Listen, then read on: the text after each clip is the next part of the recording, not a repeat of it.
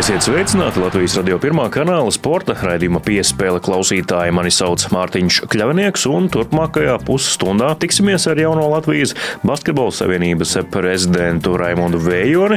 Noskaidrosim, kā viņš jau iejuties savā matā tajā esot mazāk nekā nedēļu. Tāpat arī ieklausīsimies tajā, kā Latvijas Vieglatlētikas savienības veica savus aizvadītā gada labākos, un runāsim arī par traģēdiju, kas piemeklēja pasauli pašā pagājušās nedēļas nedēļas izskaņā, proti helikoptera avārijā traģiski bojā gāja viens no visu laiku izcilākajiem Nacionālās basketbola asociācijas spēlētājiem Kobe Bryants. Tiksimies ar latvieti, kurš reiz divus mēnešus strādāja pie tā, lai Bryants atgūtu veselību un varētu virs galvas celt NBA čempionu trofeju. Bet tas viss pēc pavisam īsa brīža.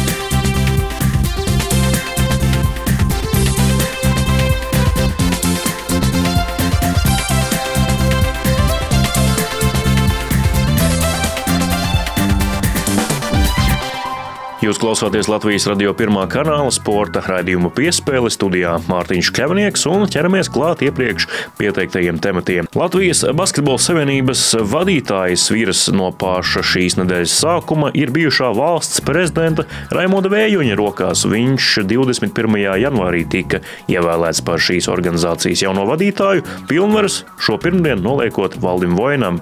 Par priekšvēlēšanu laiku joprojām aizkulisēs klejot dažādi stāsti, un, lai kliedētu tā saucamo pelēko zonu, devos uz Latvijas Basketbola Savienību, lai sabiedrībai neskaidros jautājumus uzdotu pašam Raimondam Vējonim.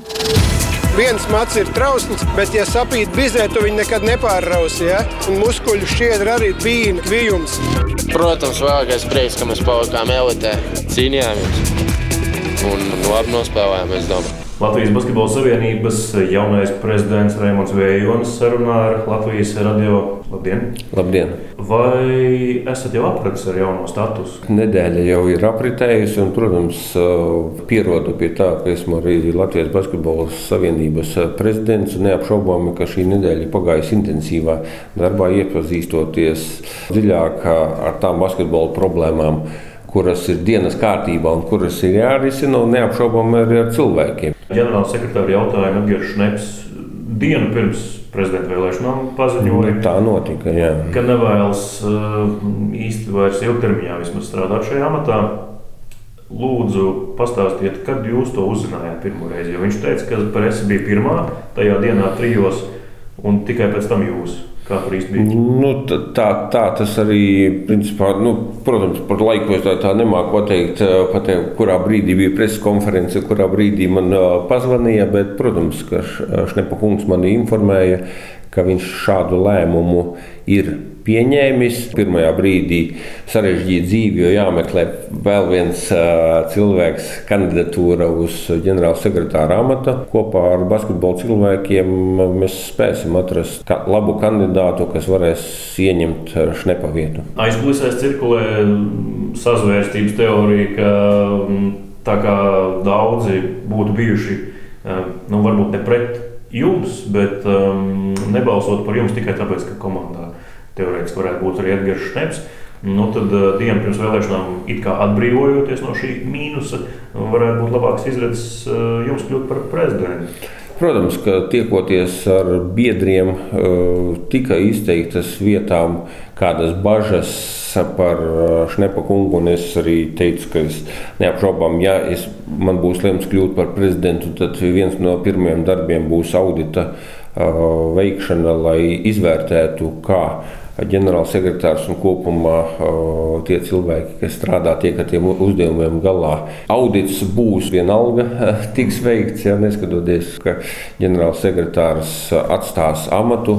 Ir šis cilvēciskais faktors, kas arī izskanēja varbūt tikšanās laikā, ka kaut kas nepatīk no organizatoriskiem jautājumiem, no informatīva rakstura jaut, jautājumiem. Nu, tā, tās lietas, kuras neapšaubāmi var vērst par labu, uzlabot, un, un protams, ka pie tā tiks strādāts. Jūsu savstarpējās attiecības, ne personīgās, bet tieši basketbola vidē ar Kasparu Ciprusu, kādas tās bija priekšvēlēšana laikā kādas tās ir tagad. Jo, nu, tur arī izskanēja tas, ka principā jau nu, Kaspars it kā kandidē atsevišķi, bet principā jau nu, viņš varētu būt tas pēdējās balsu zaglas Anitai Jākapsonai Žogotai, un tālāk pēc, pēc jums labvēlīga iznākuma jūs apvienojaties vienā spēkā. Es pirmo reizi Kasparu iepazinu publisko debašu laikā, līdz tam man, es viņu zināju kā spēlētāju, neapšaubāmi. Es no debatēm, klausoties, kā viņš debatējas, viņu ļoti augstu vērtēju. Viņš ir zino, zinošs cilvēks, un tāpēc arī pirms tiku ievēlēts par prezidentu, es jau piedāvāju gan Kasparam, gan Anetei iespēju darboties padomē. Kaspars piekrita darboties padomē. Anete paņēma tādu pauzi pārdomām. No sākuma piekrita, bet pēc rezultāta izdzirdēšanas iepauzēja. Nu, Kaspars padomē ir, un līdz ar to mēs, protams, tagad ar Kasparu kopā darbosimies. Jūs apsvērtat viņu kā ģenerālsekretāru? Es esmu nosūtījis vēstuli biedriem, ar, lai iesaka, nu, skatīsimies, ko, ko biedri iesaka. Jūs vismaz nu, pēc manu un kolēģi apkopotiem datiem esat pirmais valsts prezidents, kurš ir kļuvis par vietējās basketbola savienības vai federācijas vadītāju. Tā es arī esmu dzirdējis un lasījis. Tas varētu palielināt Latvijas uh, vārdu svaru. Uh, FIBA organizācijās.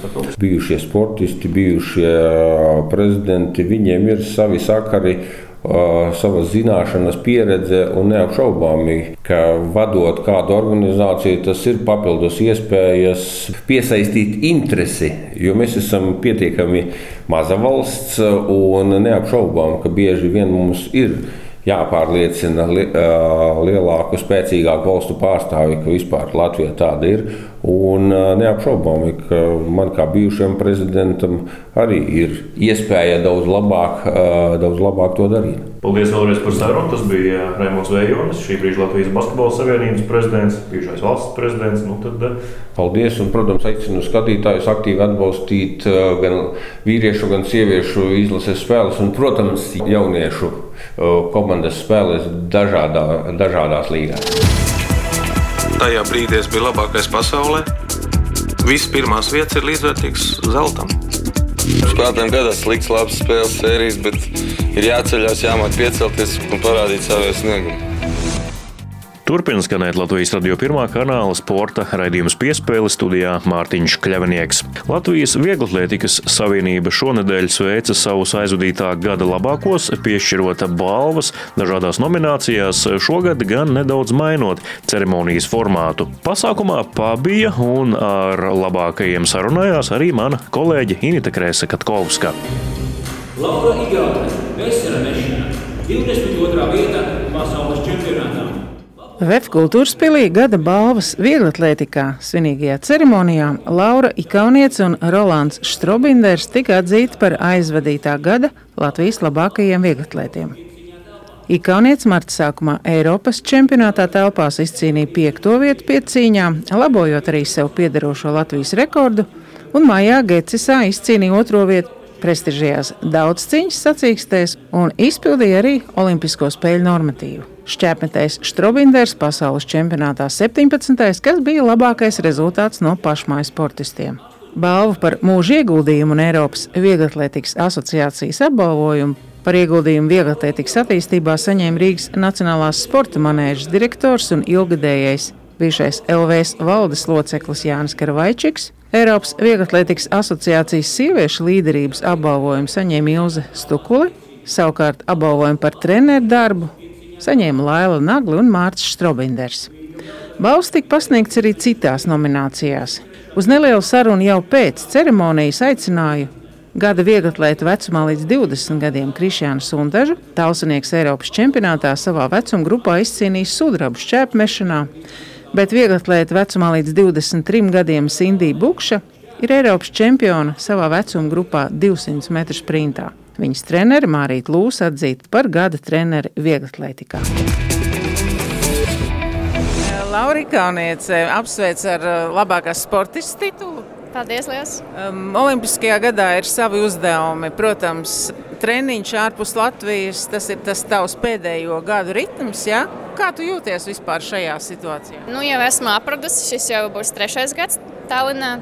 Nu, jā, arvien mazāk sanāk iegriezties Latvijā, diemžēl tā sanāk, ja treneris ir tur, dzīvoja tur un uh, uz Latviju atbrauc jāvajag pie ārstiem uz Olimpisko vienību. Diezgan bieži sanāk atbraukt uz Olimpisko vienību. Nu, tā jā, sanāk. tas ir tas, kas tev emocionāli uzlādē, esot ārpus Latvijas, domājot, protams, primārais par veselību un tikai pēc tam par formu.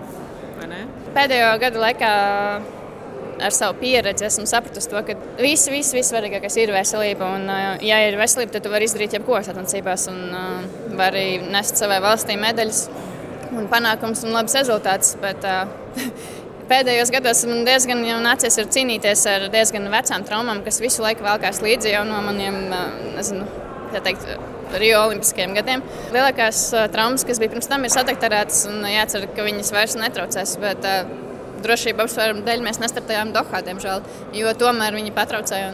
Tāpēc uh, skatījāmies uz Olimpisko gadu vairāk, lai ir drošāk, labāk nestartēt.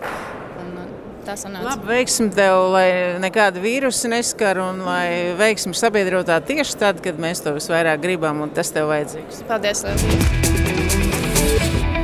Sindija Bukša mm, vispirms pati par savu sezonu, jo nu, uzvara mm, U23 čempionātā milzīgs notikums. Kā tu pati eh, vērtē šo sezonu? Vai tas aizgāja tā kā virpuls no viena pie otra pasākuma? Nu, virpulis laikam būtu īstais vārds šai sezonai, jo gāja kā augšā lejā visu laiku, un rezultātos tā man noteikti nelutināja. Un, bet U23 medaļa tā man palutināja mazliet vairāk un deva to stimulu šai sezonai, varbūt vairāk. Un, izrādās, ka es biju spēcīgāk tajā mirklī, tajā laikā, tajā čempionātā. Un, un man prieks par to, ka es to sasniedzu, to, ko es jau sen vēlējos. Šis ir lielisks panākums man un cerēsim uz nākošās sezonas, šīs sezonas labākajiem rezultātiem. Kas tavā dzīvē ir mainījies? Jo pirms gada eh, es tevi arī intervēju kā labāko eh, vieglatlēti. Vai ir kaut kādas vajadzīgas šādas balvas, lai tu pat emocionāli tiktu kādu solītu uz priekšu? Nu, noteikti balvas ir nepieciešams, jo tas ir tāds eh, par padarīto darbu. Tas ir uh, pateikts liels paldies. Un, uh, nevis tāds vienkāršs rokas spiediens, bet tā balva tev stāv mājās un tu viņu vēro katru dienu. Varbūt viņu redzi un tev ir tāda motivācija katru reizi. Tāpēc varbūt jaunajiem tās balvas nozīmē ļoti daudz. Debitēju kā uzlicošā zvaigzne sākumā, un tāds jau man deva lielu stimulu, ka es gribu to lielo balvu, gribu būt gada viegla lieta. Paldies Dievam, tas man izdevās, un man par to ir liels prieks. Tā noteikti ir motivācija milzīga. Kā tu pat vai uzstādi sev mērķi, uh, rezultātu, vai tu vispirms gribi, lai šī sajūta tev iekšēji pašai nāk un tas progress ir? Gribās, lai, protams, viņi nāk paši par sevi, un, uh, bet, protams, darbs ir jādara un uh, rezultāti ir tā, ka viņi nāk un ir tā, ka viņi nenāk. Un, nevar, nevar tu sezonu, vienu sezonu vienkārši skriet tādā vienā līmenī, un tāpēc varbūt vienai sezonai jābūt rezultātos zemākai un nākošai atkal jābūt uz augšu. Tas mazais tāds virpulīts, kā saka iepriekš. Ar treneri šīs dialogs, kā tev veidojas, vai tu arī mācies no malas kaut kur? Kādas ir tās attiecības ar Mārītu Lūsu? Mūsu attiecības arī ir tādas virpulītītas. Nu, ir tad, kad dienas, kad mēs sastrīdamies par treniņu kaut kādu procesu vai kaut ko tādu, bet beigās tāpat tās viss ir labi. Un, mēs sastrādājamies diezgan ļoti labi, jo mums ir tādi diezgan spēcīgi raksturi viens, vienai ar otru. Un varbūt tajā mirklī rodas šie kaut kādi pārpratumi. Kā divi spē, spēcīgi cilvēki ne, neiet kopā īsti. Un, Bet uh, sastrādājamies ļoti labi, un rezultātos tas arī parādās. Tomēr ir medaļa un uh, prieks par to. Neapstājies pie sasniegtā. Protams. Treneru nominācijā Marija Lūse. Es zinu, ka ne tikai saistībā ar Sindiju Bukšu, bet jūs noteikti varat apsveikt ar šo viņas panākumu, bet arī Elvijas Misāns. Man vēl ir tās priekšrocības, ka es pat atceros, kā jūs skrējāt. Neliels ievadiņš. Eh, jums ir gandarījums par šo gadu? Varētu teikt, jā, jo pateicoties Indijai, es arī šeit gada nominācijā esmu. Viņai nācās ļoti grūti, ar, ar ļoti lielu gribas spēku, jo konkurence bija diezgan liela.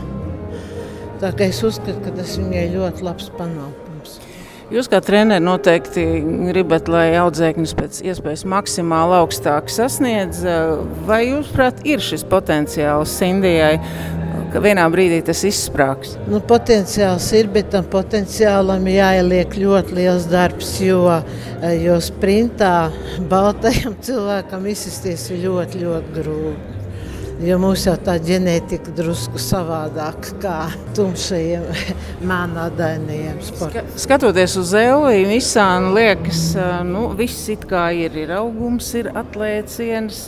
Nedaudz, nedaudz vienmēr kaut kas tā kā pietrūkst. Jā, ziniet, kas ir, kur ir vaina? Vaina ir spiedienam no visām pusēm. Visi gaida rezultātu un atbildība ļoti liela un tā atbildība ir traucē um, atbrīvoties. Ja? Viņi, tu esi visu laiku savažots spīlēs tādās. Tev noteikti jābūt rezultātam. Nedod Dievs, nebūs rezultāts. Ja tu pats varētu tā brīvāk, nebūt, nebūtu jāatbild obligāti tajos mačos augstam rezultātam, tajos tās. Ja, ja tu varētu tā pats pa sevīm brīvi startēt, tad būtu pavisam cita lieta. Bet mūsu visiem augstas klases no Republikas izlases sportistiem visiem ir atbildība un visiem viņa traucē. Nevis tas, ka, ka viņi nevarētu sasniegt, visi varētu sasniegt, bet kā liela mača atbildība Olimpiskai vienībai, vēl kam varbūt tās. Ja, Visu laiku tu esi pakļauts kaut kādam spiedienam. Tu nevari startēt brīvi. Bet tas sportists mūžs ir ļoti īss, un ar to droši vien emocionāli ir jātiek galā. Arī jums, kā trenerē, ar to ir jāstrādā. Ja? Jā, tas ir tā psiholoģiskā sagatavotība arī ļoti, ļoti svarīga. Ir. Un nevarētu teikt, ka īsi, piemēram, Elvis vairāk kā 20 gadus jau trenējas. 20 gadu. Nevarētu teikt, ka, īsi mūžs ir sportam.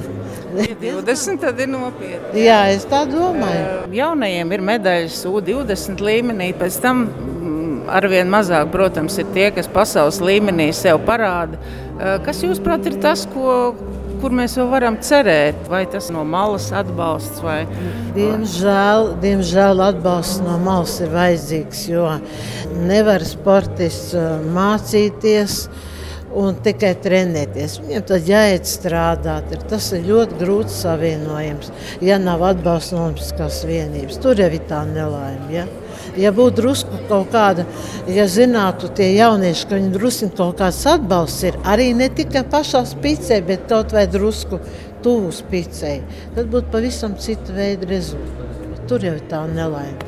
Ko jūs pati sev un uh, saviem audzēkņiem vēlat šajā gadā? Kas ir tas uzdevums? Protams, Tokija, vēl ir ceļš līdz Tokijai. Jā, nu es domāju, ka, ka tomēr Tokija. Jā. Mēs ar Elvi jau vai, divas olimpiādas esam bijuši blakus olimpiādei, burtiski dažu centimetru attālumā. Nu, tā varbūt tā šoreiz tiešām izdosies. Cik jums ir centimetri līdz Tokijai?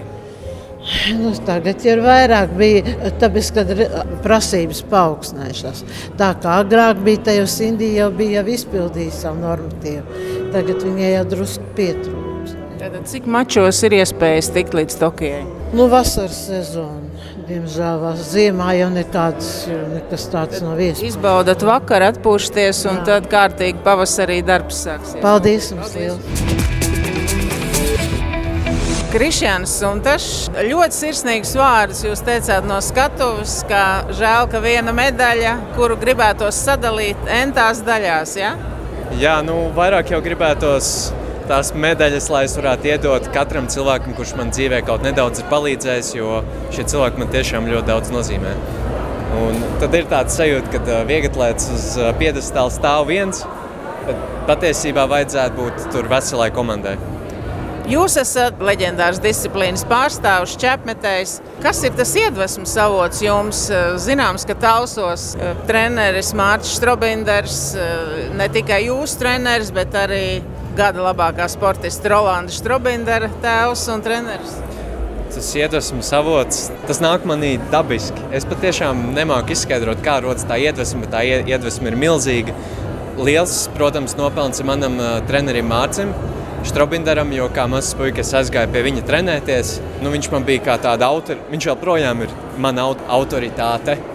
Un arī mūsu leģendārais čempions Jānis Lūsis. Un tāpat arī visa tā šķērmešanas saime, kas mums ir Latvijā, tiešām ļoti iedvesmoja man. Man vienkārši ir patiesa mīlestība pret to, ko es daru. Kas ir tas mazais eh, mērķis šajā gadā, vai Tokija ir jau mērķis šogad? Ja veiksme būs sabiedrotā? Es teikšu īsi un konkrēti, es savu prātu neierobežoju. Paldies un veiksmi turpmāk! Paldies jums!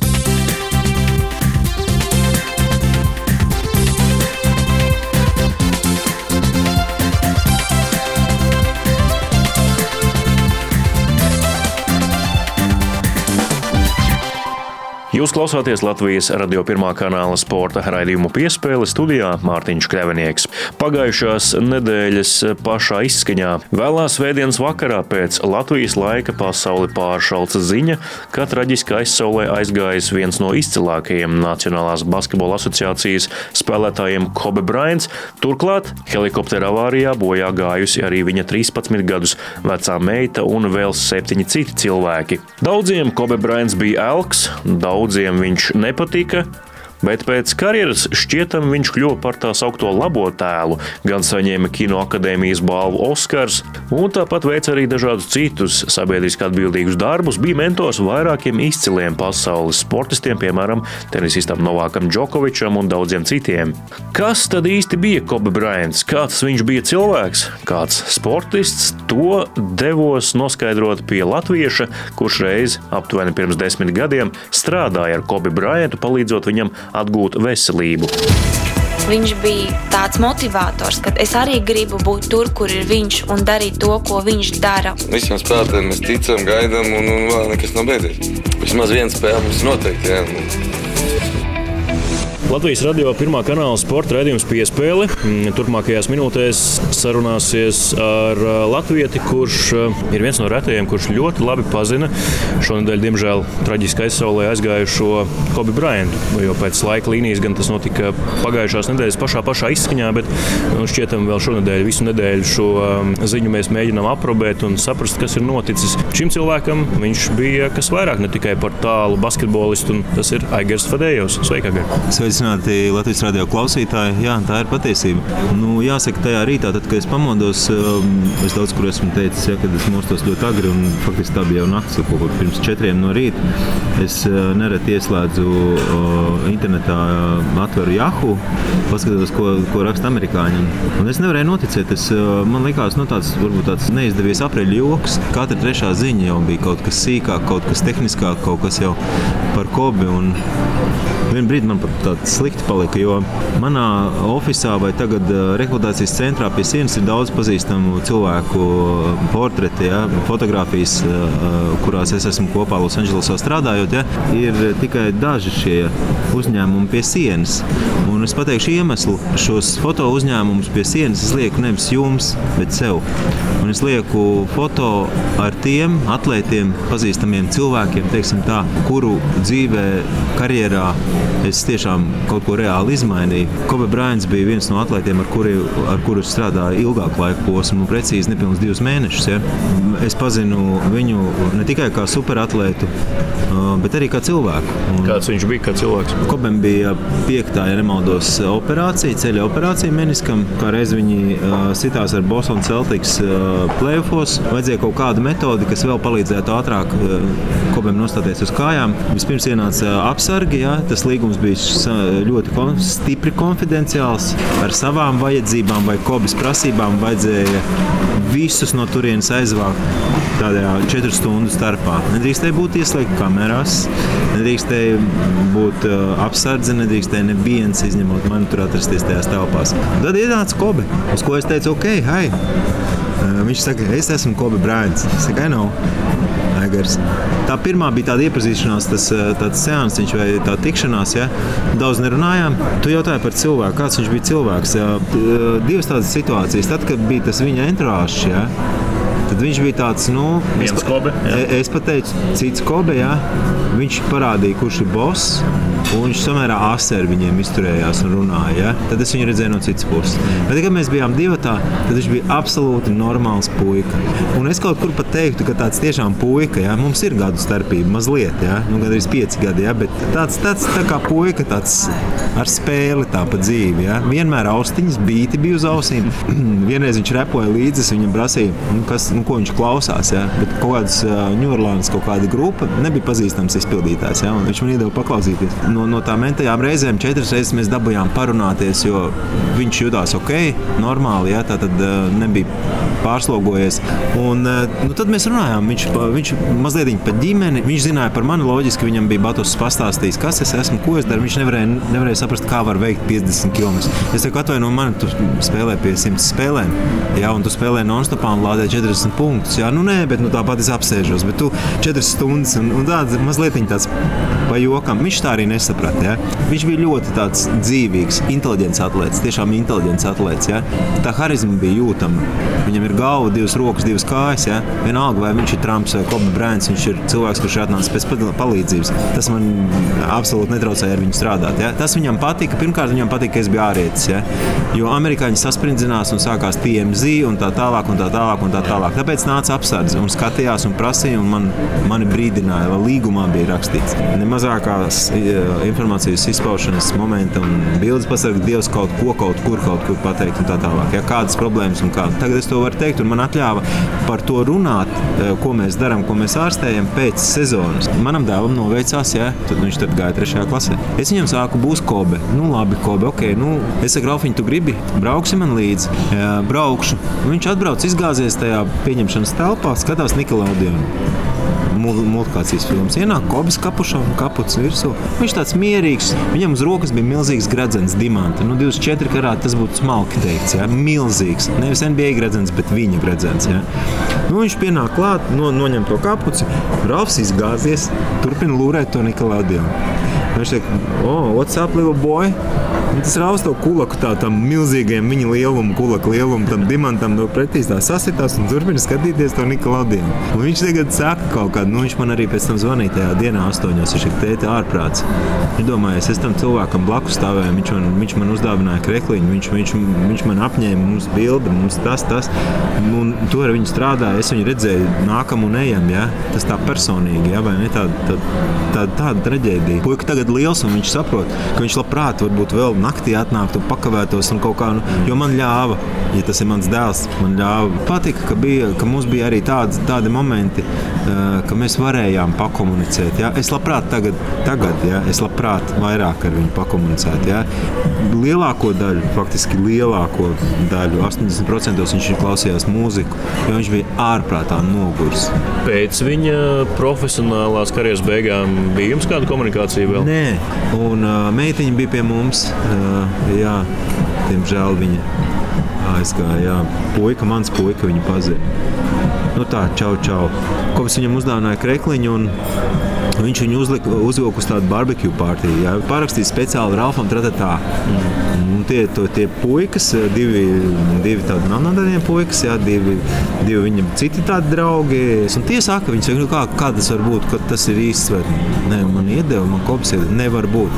Tas ir, tas ir apmēram tev krēklu ir iedevis Dievs, kā tu tiki pie Dieva. Nu, kā, kā tu, tu Losandželosā brauc uz milzīgām sienām, milzīgs uh, portrets, jā. Kā, tu, kā tas var būt? Mans tēvs ar viņu strādā. Nevar nevar būt. Un puika nenormāli apvainojās. Viņš to krēklu aizsvied projām, to bildi nolika vispār nost. Viņš, nu, tas tāds vecums bija. Ja? Viņi nevarēja nekad pieļaut tādu situāciju, ka tiešām viņš ir saticis, apņēmies, nezinu, tur sasveicinājis ar Kobe Bryantu, kurš bija dievs. Ar helikopteru nokristu Pēters, jā, mums likta nu, normāla lieta. Jā. Nu, it kā tā no cilvēciskās puses jāliekas Kobe Bryants. Viņš arī bija cilvēks. Bet, ja mēs runājam par globālu lietu, kāpēc visa pasaules kungs, kāpēc Grammy Award apstājās vienu minūti, kāpēc vēl un vēl runājam par to. Tas ir cilvēks, kurš mainīja pasauli, sporta pasauli, uztveri, kurš deva miljardiem cilvēku cerību, iespēju, ticību, izmainīt dzīvi. Katrs atlētas sasniegums, tāda kalibra atlētas sasniegums, var likt tev piecelties un izmainīt dzīvi. Noticēt tam, ka tu vari. Viņš bija tāds, viņš bija ļoti harizmātisks cilvēks, un viņš izmainīja uh, rekordus, vēsturi, uh, statistiku un tā tālāk. Un tā tālāk. Tad šajā gadījumā no šīs pozīcijas mums ir par viņu jārunā un jāatcerās. Tā lūk, saruna ar Aigaru Fudēju, Latvijas radio pirmā kanāla sporta raidījumā piespēlē. Iespējams, vienīgais latviečs, kurš tik tuvu bija ticis Kobam Bryantam, viņu pazina arī kā cilvēku. Skaidrs, ka pasaules sēro, bet uh, jāpaņem ir tas labais, tas, kas mums ir palicis no Kobas, uh, tā viņa pieredze, tas, ko viņš jau ir izdarījis un palīdzējis daudziem izciliem sportistiem. Nu, un gal galā joprojām mēs varam vērot arī video atkārtojumos viņu, viņa spēli laukumā. Baudām to, kas, ko Kobe ir atstājis mums šeit uz zemes, palikušajiem mantojumā. Jā, paldies!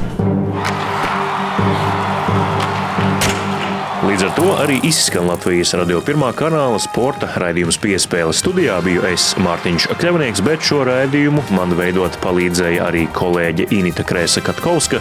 Par labskaņu kā alaži parūpējās Nora Mītspapa uz sadzirdēšanos.